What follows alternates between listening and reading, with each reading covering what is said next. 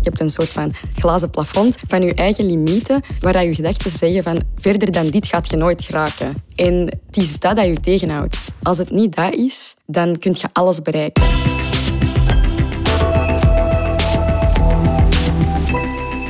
Dag dames en heren, welkom bij de podcast van Failing Forward. Wanneer we aan ondernemen denken, dan denken we altijd aan de vele successen die we overal zien. Maar niet elk ondernemersverhaal bestaat louter uit successen, want ondernemen gebeurt met vallen en opstaan. Failing forward dus. Natuurlijk zou het jammer zijn om die interessante levenslessen niet te delen, zoals in deze podcast. En deze keer zit ik samen met Jessica de Blok van Antwerp Avenue. Dag Jessica. Hallo. Jij bent de CEO van uh, Antwerp Avenue. Yes, en jij klopt. verkoopt tech candy for girls. Ja, for girls. Kan je dat eens uitleggen? Wat is dat?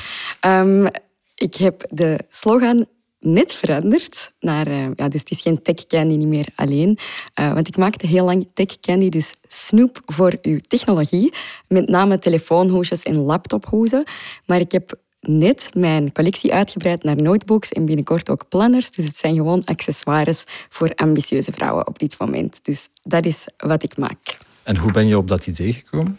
Ik uh, schilderde vroeger en tekende veel. En op een bepaald moment zijn mensen op mijn Facebook, op mijn persoonlijke Facebookpagina, beginnen bieden op een van mijn schilderijen toen ik iets een jaar of twintig was, 20, 21. En maar één iemand van de acht, ik was heel hard verschoten uiteraard dat er iemand geld wou geven voor iets dat ik had gemaakt. Um, maar er hebben acht mensen geboden en uiteraard kon maar één iemand effectief het schilderijtje ophangen.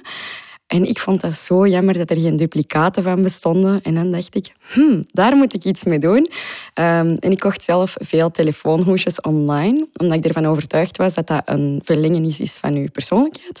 En dan heb ik mijn design van mijn schilderijtje en nog drie andere schilderijen uh, op telefoonhoesjes gedrukt. Ik heb zelf gesourced in plaats van het via een externe service te doen, dacht ik, ik wil het productieproces van A tot Z en de marketing allemaal in eigen beheer hebben. En, um, en dat was dus mijn idee, om het dus te gaan proberen gewoon. En zo ben ik er eigenlijk ingerold. Voilà, en dat is nu vier jaar geleden ongeveer. Van waar komt die zin om te ondernemen? Heb jij ondernemers in de familie? Uh, mijn papa is zelfstandige, die is uh, advocaat. Dus ik weet niet of dat onder ondernemen valt, ja, min of meer wel. Maar er zijn wel wat zelfstandige vrije beroepen in mijn familie. Maar echte ondernemers niet echt. Um, zin om te ondernemen was er eigenlijk in het begin niet per se. Ik ben gewoon echt heel um, nieuwsgierig. Dat is eigenlijk wat voor iemand dat ik ben. En uh, ik had een product, maar geen bedrijf. En mijn papa, de advocaat, zei... Foei, foei, foei, dit mag niet. Jij moet een bedrijf opstarten. En ik zei, papa, maar ik weet toch niet hoe dat moet? en dan heb ik het gewoon helemaal uitgezocht. En dan ben ik begonnen. En op het moment dat ik ben begonnen, heb ik wel besloten... Als ik het doe, dan doe ik het 110 procent. Dus je bent daar wel een beetje in ondersteund uh, door je familie. Je bent een beetje gepusht van, van probeer het zelf maar, richt een bedrijf op eerder van als je een product verkoopt, dan is het in het zwart. dat mag niet. Dus je stopt ermee of je doet er iets mee officieel. Maar uh, het was eerder een beetje tough love, denk ik. Ze hebben mij heel hard mentaal ondersteund, maar niet qua hoe dat ik het echt moest doen. Dat heb ik zelf moeten uitzoeken, maar daar ben ik ook wel heel dankbaar voor. En vonden jouw vrienden dat een goed idee om zelf een zaak op te starten? Ik denk, als ik mijn vrienden was, op dat moment dat ik zou denken, are you crazy? Telefoonhoesjes, echt een mega verzadigde markt. Maar ik zal niet zeggen dat het hen echt koud liet, maar het was ook niet... Ze dachten misschien zo, ja, Jessica komt weer mee iets nieuws af. Dus uh, ze, gingen zo, ze waren een beetje terughoudend in. Ze dachten eerder van, we zullen wel zien wat het geeft. Maar ik was er wel echt rotsvast van overtuigd dat het ging lukken. Misschien zelfs op het naïeve af. Ja. Krijg je dan ook niet de zin om uh, het tegendeel te bewijzen? Van, ze twijfelen aan mij, ik ga tonen dat ik het wel kan? Dat was meer naar mezelf toe dan naar de buitenwereld. Ik heb nooit zoiets van wrok of zoiets heel uh, negatief eigenlijk gekoesterd. Dat was eerder, ik bezie zo mijn ondernemerschap persoonlijk, ik weet dat dat een beetje raar is, maar als uh, zo Super Mario. en elke keer is het een nieuwe level waar je naartoe gaat. En ik wil elke keer naar de level hoger, omdat ik gewoon iemand ben dat heel um, achievement-based ja, performance... Ik, doe, ik ben een performer. ik doe graag resultaatgerichte zaken en dan elke keer een stapje hoger om mezelf uit te dagen. Dat is wel hoe ik ineen zit. Ondernemen is moeilijk. Het is uh, geen, geen gemakkelijke oefening. Uh, je hebt mij verteld uh, dat je toch enkele keren flink tegen de muur gelopen bent. Kan je, kan je daar een voorbeeld van geven? Dat klopt. ik heb ene keer in 2016 geloof ik, dan was ik nog maar één jaar bezig, had ik heel veel onderzoek gedaan naar een bepaald productieproces voor de telefoonhoesjes. Dat heette IMD, In Mold Decoration. En ik was daar zo ja, geobsedeerd mee. ik was ook heel geobsedeerd met telefoonhoesjes in het algemeen. En ik dacht, dit wordt het echt, dit is mijn nieuwe productiewijze. En dan ben ik ook naar een fabriek gevlogen om dat helemaal te gaan bekijken hoe dat ze dat gingen maken. En ik had ineens een heel grote stok aangekocht, wat ik daarvoor niet deed. Ik kocht altijd in kleine hoeveelheden om het aan limited edition uh, in pre-orders en zo te verkopen online. En... Um, ik ben totaal in zak gezet geweest. Ik weet dat dat een Antwerpse uitdrukking is, maar ik heb die producten gekregen, dat waren er 3000. En ik ging die normaal gezien aan winkels verkopen en online. En dat ging echt met een big breakthrough zijn, dat was het echt. En de producten waren, leken wel op het IMD, maar het was een, een veel mindere kwaliteit. En na drie weken begonnen de designs zo af te bladeren. Oh, en daar was ik zo teleurgesteld. ik was ongelooflijk teleurgesteld. En dan had ik twee keuzes. Ik kon kiezen ofwel gooi ik mijn producten in de vuilbak of verbrand ik ze alle 3000, maar heb ik al mijn geld opgedaan aan producten die ik niet kan verkopen. En is er een risico dat ik failliet ga, maar behoud ik mijn huidige tevreden klanten. Het waren er misschien nog niet heel veel, maar het waren er wel een aantal. Um, ofwel verkoop ik ze toch, zorg ik dat mijn cashflow terug gezond wordt en heb ik het risico dat mijn klanten nooit meer opnieuw kopen. En dan denk je dat de keuze redelijk evident is dat je kiest voor het niet te verkopen. En dan heb ik, heb ik nog 250 euro over. En daarmee heb ik uh, op één maand, uh, één weekend, heb ik een nieuwe collectie ontworpen de andere collectie wel laten uitsterven, zo een stille dood laten sterven. En heb ik gezegd, nieuwe collectie, um, je kunt nu pre-orderen. En die collectie heeft het supergoed gedaan, omdat ik een drive had om het echt op te lossen. En daarmee heb ik heel snel terug cashflow gegenereerd, waardoor ik niet ten onder ben gegaan aan dat fiasco. Had je op dat moment niet het gevoel van, dit gaat mislukken, ik moet ermee stoppen?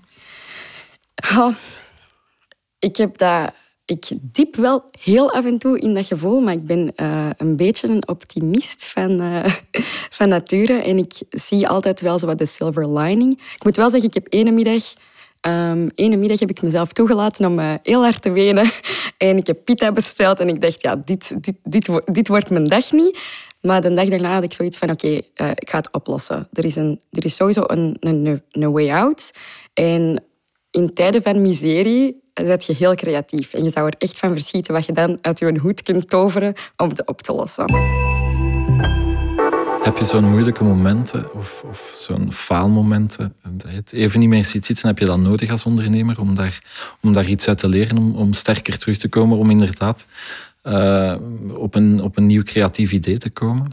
100% waar. Uh, daar ben ik echt helemaal mee akkoord. Ik heb dat heel hard nodig. Uiteraard wil je dat liever vermijden.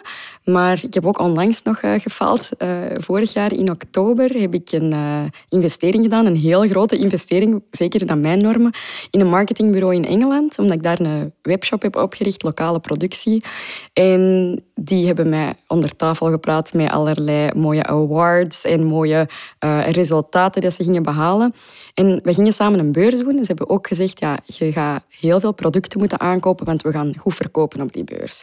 En uiteindelijk, ik geloofde er al echt niks van, maar ik dacht, ja, als je dat zegt, kan het toch niet niet doen. En ja, wat als ik dan te weinig producten heb op die beurs? Ja, we hebben daar echt nog geen tiende van verkocht. Uiteindelijk bleek ook dat heel veel van de dingen die ze hadden gezegd gelogen waren. Um, dat ik echt... Dat ik er echt met mijn beide ogen open gewoon was ingetrapt. Um, maar achteraf zat ik dus met een gigantische overstok en heb ik super creatief um, drie strategieën, denk ik, ongeveer bedacht om ze te verkopen. En heb ik mijn eigen levels van wat ik kan verkopen echt omhoog geduwd. En nu is het plafond van wat ik ook bestel in nieuw, voor nieuwe collecties veel hoger, omdat ik het ooit heb moeten ja, moeten doen, maar ook heb gedurfd om dan veel te verkopen. Als je je op een bepaald cijfer richt, vaak lukt dat om dat te verkopen. Mhm. Heel veel mensen die zoiets meemaken, die, die zouden daar helemaal van, van de kaart van zijn. Heb jij, heb jij dat ook niet meegemaakt? Dat, dat je dan echt zo denkt van, dit kom ik niet te boven? Uiteraard denk je op bepaalde momenten wel, uh, dit kom ik niet te boven, maar ik ga nooit all in ik zal nooit een risico nemen dat, dat zo gigantisch is. Ja, in het begin wel, omdat, het, omdat ik niet veel had. En dan was één aankoop doen al bijna alles wat ik had. Maar nu was het heel veel geld, maar het was nog steeds niet alles wat ik had. En ik wist altijd van, oké, ehm, als er iets misloopt, kan ik het op een... Ga ik heel hard moeten nadenken wat ik ga doen, maar het gaat wel lukken.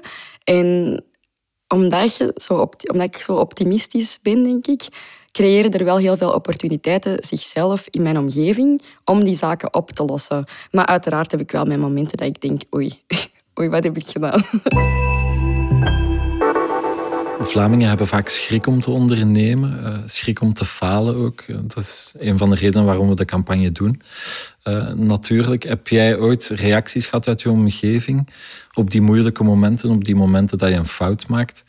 Ehm, heb je ooit negatieve reacties gehad van mensen die, die zeiden van ja, zie je wel, je gaat sowieso met je kop tegen de muur lopen. Wordt er dan meewarig gereageerd op, op die dingen? Ervaar je dat? Ik weet dat dat um, kan en dat dat vaak gebeurt. In mijn omgeving denk ik dat ik misschien de kier niet openlaat om commentaar te geven, omdat ik zo zeker van mijn stuk ben dat het in de end wel zal lukken. En dat, dan glijdt eigenlijk dan durven mensen geen commentaar te geven of dan glijdt het van u af als het wel gebeurt. Maar ik denk dat mijn directe omgeving, de mensen waar ik naar luister, um, sowieso wel mij steunt in mijn verhaal, omdat ik er dus zo zeker van ben. Um, maar het gebeurt sowieso wel, maar heel vaak heeft dat te maken met het feit dat je het zelf eigenlijk een beetje toelaat.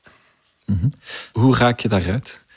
Waar vind je de drive om verder te gaan? Want je bent heel optimistisch. Uh, hoe los je het op? Um, hoe los ik dat op? Goh, ik denk, ik heb zo'n een, een, beetje een North Star, zo'n polster. En dat is waar ik wil geraken. En altijd op dat moment kun je je best gewoon proberen te herinneren waarom dat je eraan bent begonnen. En dat er eigenlijk geen, geen mogelijkheid is om te falen. Tenzij dat iemand zegt, je bent echt failliet, je moet echt de boeken dicht doen, zal ik echt nooit opgeven om mijn droom waar te maken.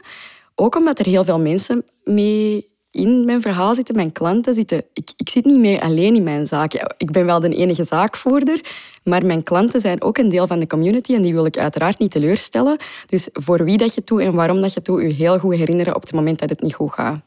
Echt falen is geen optie. Falen is geen optie en soms voel ik het ook niet zo hard als falen. Ik weet dat dat heel vaak, uh, het sowieso objectief gezien, zeker een faling is. Maar ehm, voor mij is het zo eerder, open 100 deuren. Als er één deur sluit, zijn er nog altijd 99 deuren open. En dan kun je het ook veel minder hard voelen als er echt iets misgaat. Je hebt twee keer een gelijkaardig probleem meegemaakt. Je bent twee keer belogen of je hebt je, om het lelijk te zeggen, twee keer in het zak laten zetten.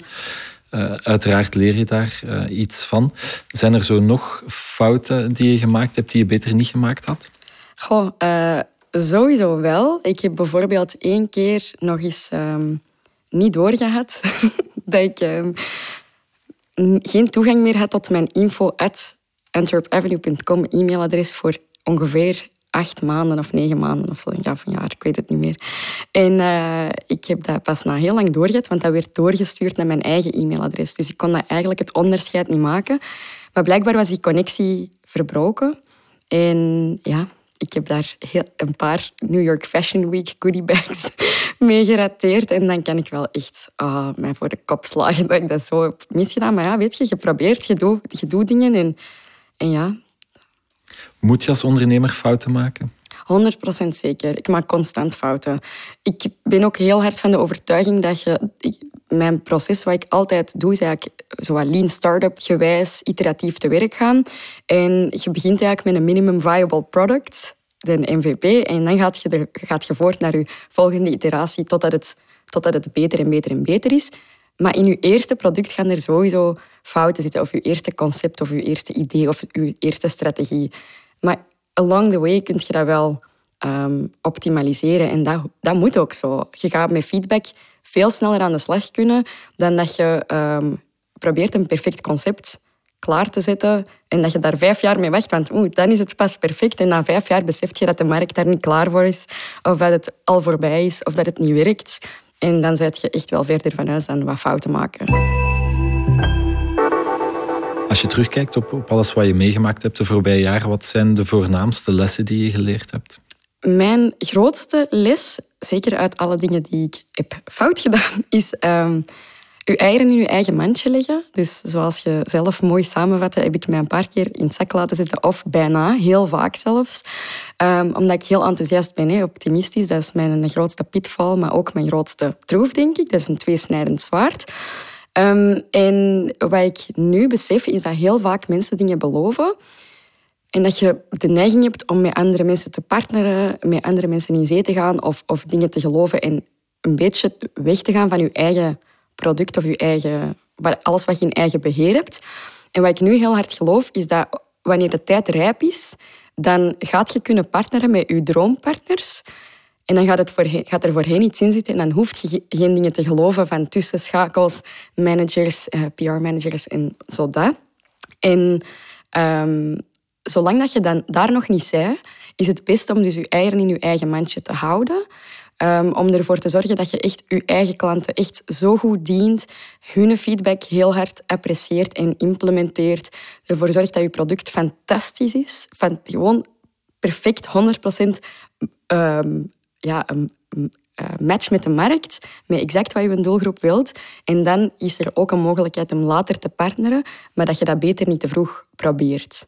Heb je ooit negatieve ervaringen gehad in samenwerking met, met, met andere mensen? Um, heel vaak ben ik dingen beloofd geweest die uiteindelijk niet zijn gebeurd. En die, ik, heb daar nooit, ik heb nooit ergens in geïnvesteerd, maar wel tijd en energie. Um, en gewoon met veel teleurstellingen tot gevolg.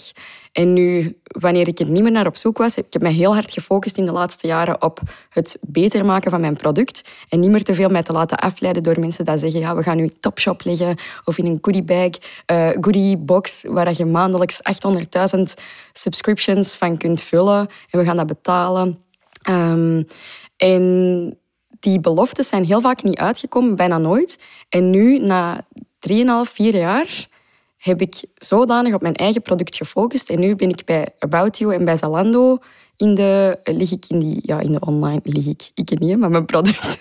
Daar in ga ik vanuit, ja. In de e-tailer. Um, en dat zijn gigantische ja, droompartners eigenlijk. En dat had nooit gebeurd als ik uh, niet mijn product zo goed had gemaakt. Mhm. Als ik te veel was afgeleid door die andere mm -hmm. beloftes. Je vindt de empowerment van, van vrouwen belangrijk, van, van vrouwelijke ondernemers. Um, schort er wat dat betreft? Is er, is er wat dat betreft een probleem in Vlaanderen? Er zijn sowieso macro-issues waar ik mij niet over ga uitspreken. Dat zijn maatschappelijke issues waar dat zoveel takken en nuances aan te pas komen. Maar waar ik mij heel hard op focus is micro-empowerment. En dat is eigenlijk self-empowerment. Ik weet dat dat idealistisch is voor een, uh, een accessoire, maar dat is wel effectief wat ik daarmee wil bereiken. Is op op vlak van je persoon, dus dat je zelf door je accessoires jezelf eraan herinnert wie dat je zei, dat je het waard zei om te doen wat je doet, uh, dat je nee mocht zeggen, dat je grenzen mocht stellen. En dat is mijn steentje bijdragen aan empowerment uh, op groter niveau. Hoe vind je dat het zit met de mindset in Vlaanderen rond ondernemers? Eh, vaak hebben ondernemers een, een, een negatieve bijklank. Heel heel veel mensen denken aan Boma van, van de kampioenen bijvoorbeeld, als het over ondernemers gaat.